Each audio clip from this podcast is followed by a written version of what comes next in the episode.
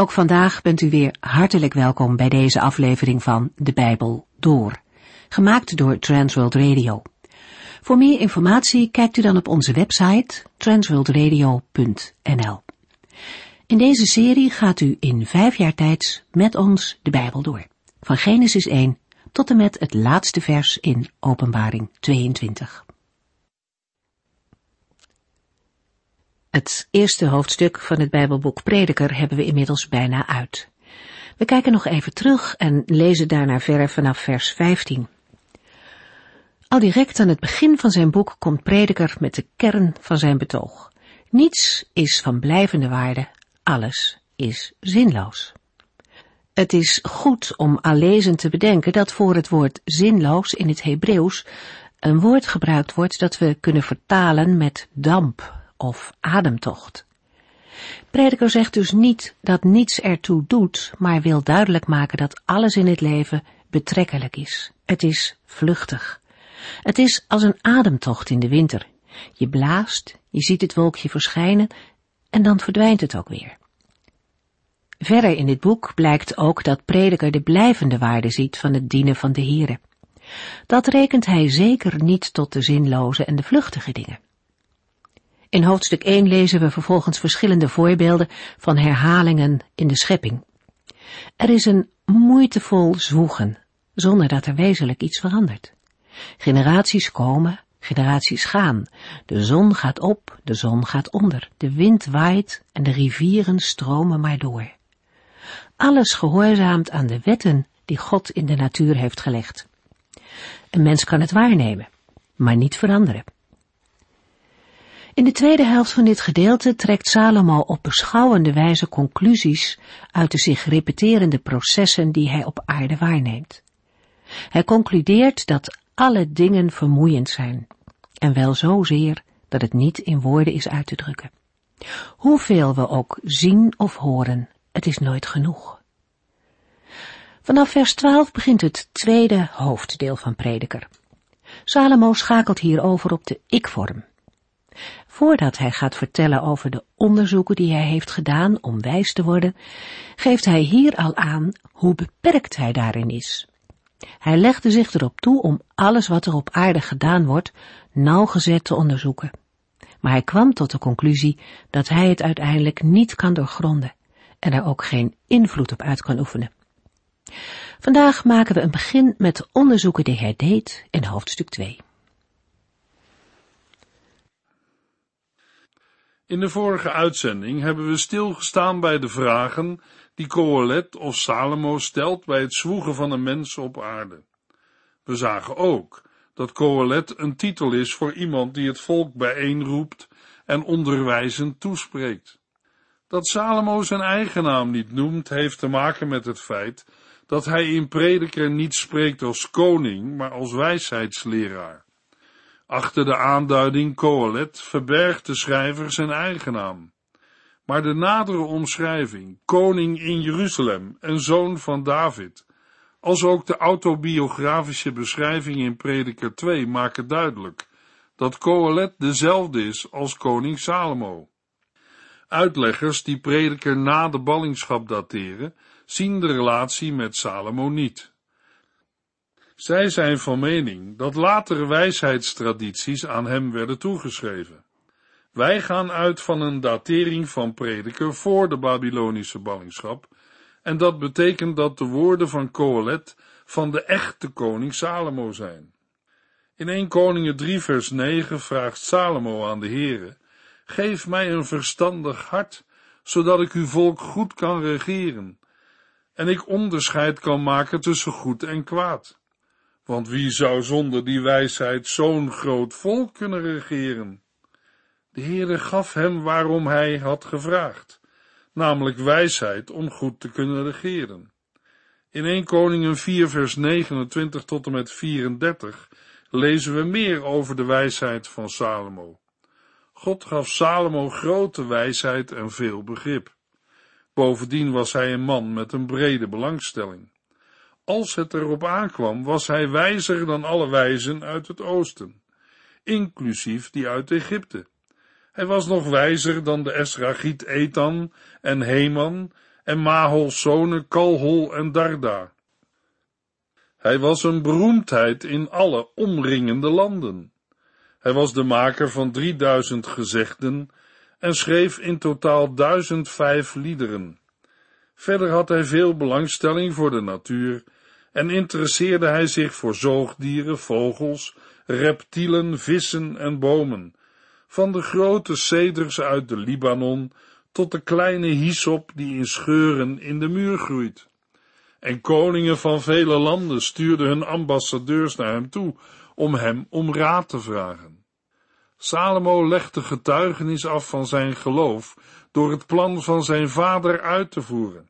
Hij bouwde in zeven jaar de tempel voor de Heer in Jeruzalem. Salomo was op vele terreinen thuis en bracht vrede tot stand in een groot gebied. Andere koningen kwamen naar hem toe om raad te vragen. U kent misschien de geschiedenis van Salomo en de koningin van Seba wel. De Heer heeft Salomo ook gewaarschuwd voor afval en afgoderij. 1 Koningen 9 vers 6 tot en met 9. Als u of uw kinderen mij echter de rug toekeren, afgoden gaan aanbidden en mijn wetten niet gehoorzamen, zal ik Israël uit dit land dat ik haar heb gegeven weghalen. En de tempel die ik voor mijn naam heb geheiligd, zal ik verwoesten. Dan zal ik Israël uit dit land verjagen, en alles wat haar overkomt, zal spreekwoordelijk worden voor iets dat plotseling komt en rampzalig is. Deze tempel, die op een eervolle plaats staat, hoog op de heuvel, zal dan een voorwerp van bespotting en belediging worden, en ieder die er langskomt zal verbaasd kijken en vragen, waarom heeft de Heere zulke dingen gedaan met zijn land en met deze tempel? En het antwoord zal luiden, de Israëlieten keerden de Heere hun God, die hen uit Egypte bevrijdde, de rug toe. In plaats van hem te eren, aanbidden zij nu afgoden. Daarom heeft de Heere deze ramp over hen laten komen. In 1 Koningen 11 vers 3 tot en met 5 lezen we over Salomo. Hij had 700 vrouwen van vorstelijke afkomst en 300 bijvrouwen. En deze waren de aanleiding dat hij zijn hart van de Heere afkeerde, vooral toen hij al wat ouder werd. Zij brachten hem ertoe hun afgoden te vereren, in plaats van volledig op de Heere te vertrouwen en hem te dienen, zoals zijn vader David had gedaan. Toen Salomo ouder werd, is hij ook tot zijn onderzoek gekomen over het leven van een mens hier op aarde. Een mens is eindig en beperkt. Hij kan niet verder kijken dan de grenzen van zijn eigen leven en heeft maar op erg weinig zaken in het leven werkelijk invloed. Salomo schrijft in Prediker 1 vers 2 en 3, naar mijn mening is niets van blijvende waarde. Alles is zinloos. Want wat bereikt een mens met al zijn harde werken hier op aarde? Zinloos betekent leeg, zonder zin, een leven zonder doel. Een leven zoals dieren leven. Heel veel mensen leven ook zo. Zij leven op aarde, onder de zon, en proberen alles uit het leven te halen: eten, drinken, spelen en vrolijk zijn. Maar wat is daar het voordeel van? Wat is de meerwaarde van al het gezwoeg dat de mens verricht onder de zon, hier op aarde? Dit zwoegen is vergelijkbaar met de zich telkens herhalende, monotone processen op aarde, die in Prediker 1 vers 4 tot en met 11 worden benoemd. Het geeft de eerste aanzet voor een antwoord op de gestelde vraag. Het eerste voorbeeld van de alsmaar repeterende processen die zich op aarde afspelen, is het gaan en komen van de generaties. In de context van prediker ligt de nadruk vooral op het heengaan van de generaties en daarmee de tijdelijkheid van de mens, in contrast met de aarde zelf die er altijd blijft. De aarde die voor de mens werd geschapen blijft, terwijl een mens als heerser van de aarde tijdelijk is en heen gaat, tot stof weerkeert. In Prediker 1 vers 5 tot en met 7 worden nog drie andere processen beschreven, die zich op aarde voortdurend blijven herhalen in een moeitevol zwoegen, zonder dat er wezenlijk iets verandert. De zon komt op en gaat weer onder. De wind draait nu eens naar het zuiden, dan weer naar het noorden, en alsmaar draaiend draait de wind weer terug. Alle rivieren stromen naar de zee, maar desondanks raakt de zee niet vol en keren de beken alsmaar terug naar hun bron. In de versen 8 tot en met 11 trekt Salomo op beschouwende wijze conclusies uit de zich repeterende processen die hij op aarde waarneemt. In de eerste plaats concludeert hij dat alle dingen vermoeiend zijn, en wel zozeer dat het niet in woorden is uit te drukken. De mens die ze wil waarnemen, raakt nooit uitgekeken en geluisterd. Zo wordt duidelijk dat het spreken over en het beschouwen van de werkelijkheid een moeizaam proces is, waaraan nooit een einde komt, evenmin als de zee ooit vol raakt. In de tweede plaats wordt geconcludeerd dat er feitelijk niets verandert. Er is niets nieuws onder de zon. Prediker 1 vers 10b Hoe weet u of het eeuwen geleden ook al niet bestond? Dat er op aarde niets wezenlijks verandert, heeft ook implicaties voor de mens. Zoals zij die eerder geleefd hebben in de vergetelheid zijn geraakt, zo zal dat ook gelden voor hen die nog zullen leven. Toekomstige generaties zullen zich niet meer herinneren wat wij in onze tijd hebben gedaan.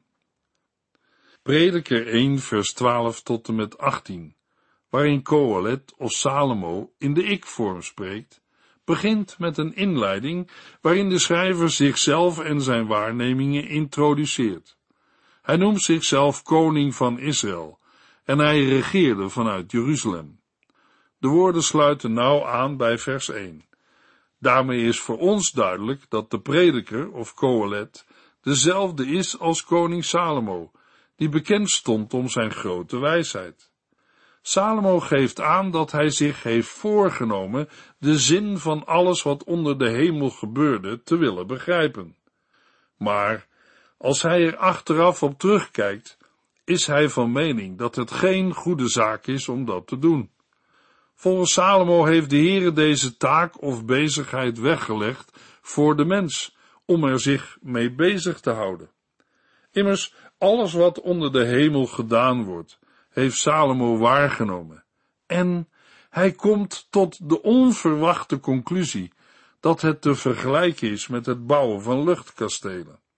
Het is niet meer dan damp en najagen van wind. De mens krijgt er geen grip op hij kan het niet doorgronden en er geen invloed op uitoefenen. Dat ligt buiten zijn vermogen. Net als wat krom is niet recht gemaakt kan worden en wat niet bestaat niet kan worden onderzocht. Het heeft geen enkel nut na te denken over wat had kunnen gebeuren. Zelfs voor de wijze in al zijn wijsheid zijn zulke dingen onmogelijk. Prediker 1 vers 16 Ik zei tegen mezelf, kijk, ik heb meer onderzocht dan welke andere koning ook die voor mij in Jeruzalem regeerde. Ik ben wijzer en heb meer inzicht.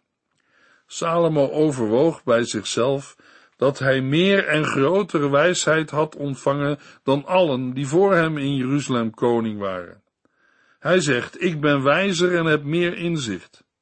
Mogelijk dat deze woorden hoogmoedig overkomen, maar de Heer had Salomo gezegd, ik zal u wijzer maken dan ooit iemand voor u is geweest of na u zal zijn. Prediker 1 vers 17 Daarom deed ik mijn uiterste best wijs te zijn in plaats van dwaas. Maar nu realiseer ik mij dat zelfs dat een luchtkasteel is. De bedoeling van Salomo's woorden is duidelijk. Als zelfs hij met zijn grote wijsheid en macht als koning tot de conclusie moet komen dat hij geen grip heeft op wat er op aarde gebeurt, hoeveel te meer geldt dat dan voor de mensen die minder wijsheid en macht bezitten? Salomo richtte zich op wijsheid en op kennis, op onzinnigheden en op dwaasheid. Hij heeft beiden met elkaar vergeleken. Door beide uitersten te noemen, wijs en dwaas, geeft hij aan hoe volledig en nauwgezet zijn streven naar inzicht en kennis was. Niets bleef voor hem onontgonnen terrein. Maar nu realiseert hij zich dat zelfs dat een luchtkasteel is. Salomo heeft ontdekt dat het niet meer is dan het najagen van wind. Sterker nog, de bevindingen van Salomo of Kohelet laten zich samenvatten met een spreuk. Prediker 1, vers 18. Want hoe wijzer ik werd, des te bezorgder werd ik. Hoe meer iemand weet, des te meer verdriet heeft hij. Salomo komt tot een trieste conclusie. Zijn waarneming van het leven op aarde heeft hem vooral verdriet opgeleverd, omdat er zoveel krom op de wereld is dat door een mens niet recht gemaakt kan worden. De mens kan dat ook niet begrijpen, hoeveel inzicht hij ook heeft. Het ligt buiten het bereik van de mens. Het is damp en lucht. Later, in Prediker 7 vers 13, erkent Salomo Kijk eens hoe God te werk gaat en probeer niet zijn werk te veranderen. Niemand kan recht maken wat hij gebogen heeft. Toch willen de woorden van Salomo niet zeggen dat wijsheid geen meerwaarde heeft. In Prediker 2 vers 13 en 14 lezen we, wel heb ik gezien dat wijsheid waardevoller is dan dwaasheid, net zoals het licht beter is dan de duisternis. Want een wijze ziet wat hij doet, maar een dwaas dwaalt in het donker.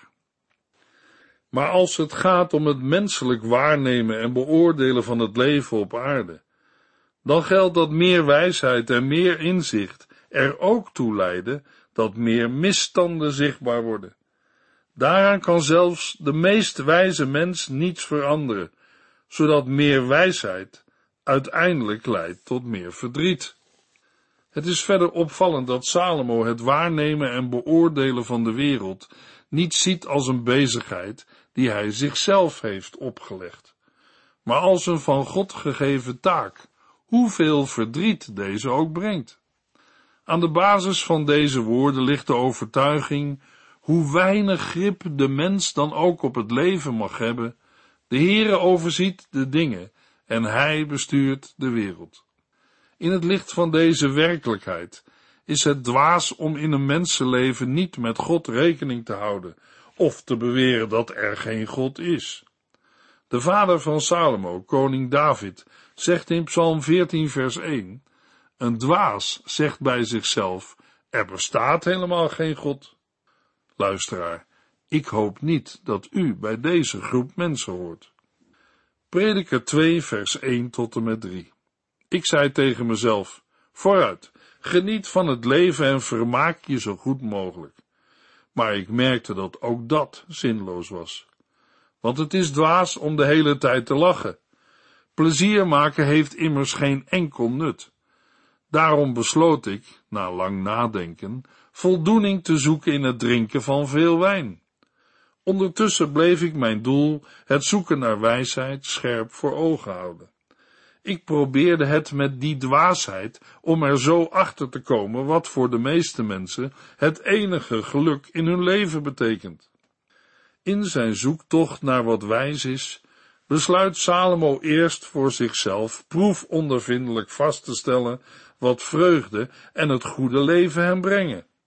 Maar hij komt tot de conclusie dat ook dat zinloos was.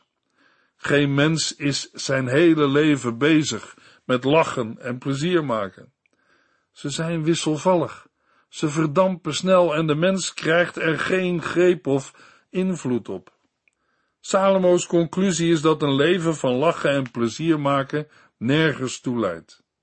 Het is onjuist uit vers 2 te concluderen dat Salomo elke vorm van vreugde of plezier afwijst. Vers 3 maakt duidelijk dat het in de context gaat om vreugde of plezier als gevolg van het drinken van wijn. Daarom besloot ik, na lang nadenken, voldoening te zoeken in het drinken van veel wijn. Het thema vreugde of blijdschap komt in prediker vaker voor, meestal in positieve zin. Salomo vertelt dat hij voor zichzelf onderzocht hoe hij zijn lichaam kon opbeuren door het drinken van wijn. In het boek Spreuken wordt het drinken van veel wijn vaak met dwaasheid in verband gebracht. Dat geldt zeker voor een koning. Ook Salomo is die mening toegedaan. Hij zegt, ik probeerde het met die dwaasheid om er zo achter te komen wat voor de meeste mensen het enige geluk in hun leven betekent. Hoe moeten wij dit uitleggen? Het lijkt het beste de woorden op te vatten in die zin dat het Salomo niet om het drinken van veel wijn of het genot zelf te doen was, maar dat hij bij het drinken bleef observeren en erkennelijk de helderheid van geest niet bij heeft verloren. Ook tijdens het drinken van de wijn bleef hij kritisch naar zichzelf kijken. De reden waarom Salomo zich aan dit experiment overgeeft is, hij wil ontdekken wat goed is voor een mens. Dat wil zeggen, hoe hij het beste zijn korte leven hier op aarde kan doorbrengen. Salomo neemt zijn vertrekpunt niet in Gods openbaring, maar in de menselijke waarneming. In Micha 6 vers 8 heeft de Heere duidelijk gemaakt wat goed is en wat de Heere van de zijnen vraagt. Hij wil niet anders dan dat u eerlijk en rechtvaardig bent en uw best doet, liefde te bewijzen en als een nederig mens leeft met uw God. De conclusie waartoe Salomo in Prediker 2 vers 3 komt, wijkt niet af van dat wat in het Bijbelboek Spreuken naar voren komt. Hoe verleidelijk het ook mag zijn om met alcohol problemen en moeiten te ontvluchten, het is dwaasheid. Het plezier dat daarmee wordt bereikt is niet meer dan damp, lucht en leegte. Het verdwijnt snel. Een mens kan er geen greep op krijgen. Wat overblijft is hoofdpijn en een lege portemonnee. Prediker 2 vers 4 tot en met 11. Daarna probeerde ik bevrediging te vinden in het uitvoeren van grootse dingen, zoals het bouwen van huizen en aanleggen van wijngaarden, tuinen, parken en boomgaarden voor mezelf en de waterreservoirs die nodig waren om alle aangeplante gewassen van water te voorzien. Daarna kocht ik slaven en slavinnen, en ook hun kinderen werden mijn slaven. Ik fokte grote kudden vee, meer dan een koning voor mij ooit had bezeten. Ik verzamelde zilver en goud, door belastingen te heffen van vele koningen en gebieden. Ik liet zangers en zangeressen optreden en genoot het gezelschap van veel vrouwen. Ik werd machtiger en rijker dan enig andere koning voor mij in Jeruzalem. Maar bij dat alles bleef ik mijn wijsheid houden. Ik nam alles wat ik wilde en ontzegde mijzelf geen enkel plezier. Ik merkte zelfs dat hard werken mij goed deed. Het plezier dat ik daarin had, was dan ook de enige beloning die ik voor al mijn inspanning kreeg. Toen ik terugkeek op alles wat ik had ondernomen, leek het mij echter allemaal nutteloos. Het was weer een najagen van dromen en nergens was iets werkelijk waardevols te vinden. Salomo geeft in de versen 4 tot en met 11 een terugblik over hetgeen hij met al zijn werken en zwoegen heeft bereikt. Misschien dat hij zo een antwoord vindt op de juiste levenswandel van een mens en wat de meerwaarde is van al het werk hier op aarde, het moeitevol zwoegen onder de zon. Als inleiding geeft Salomo een samenvatting van de grootste dingen die hij heeft uitgevoerd. Dat het grootste dingen waren, blijkt uit de opsomming die volgt. Hij heeft paleizen gebouwd, wijngaarden geplant en tuinen en parken aangelegd, met daarin allerlei vruchtbomen. Salomo heeft waterreservoirs aangelegd, om daarmee bossen en gewassen te irrigeren. Slaven en slavinnen heeft hij gekocht, een teken van grote macht en weelde. Grote kudden vee heeft hij gefokt, meer dan andere koningen. Hij bezat goud en zilver, ja zelfs schatten uit de bezittingen van koningen, en hij mocht provincies tot zijn eigendom rekenen.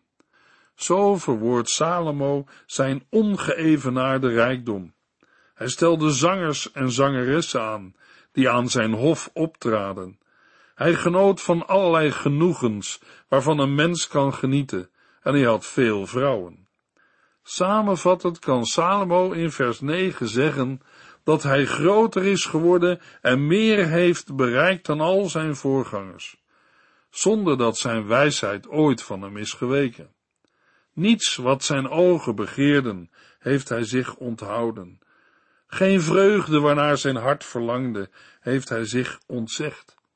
Zijn hart werd blij van al zijn harde werken, het deed hem goed. Het was de enige beloning die hij voor al zijn inspanningen kreeg. De opsomming van verworvenheden in de versen 4 tot en met 9 maken duidelijk dat de inspanningen en het zwoegen, het monotone vermoeiende dagelijkse werk, koning Salomo geen windeieren heeft gelegd. Hij heeft er meer bezit mee bijeengebracht dan al zijn voorgangers. Salomo weet uit ervaring wat het is om in grote weelde te leven. Zijn rijkdom en weelde hadden zulke vormen aangenomen dat hij zich niets hoefde te ontzeggen. Naar menselijke maatstaven had hij het hoogste bereikt wat een mens kon bereiken.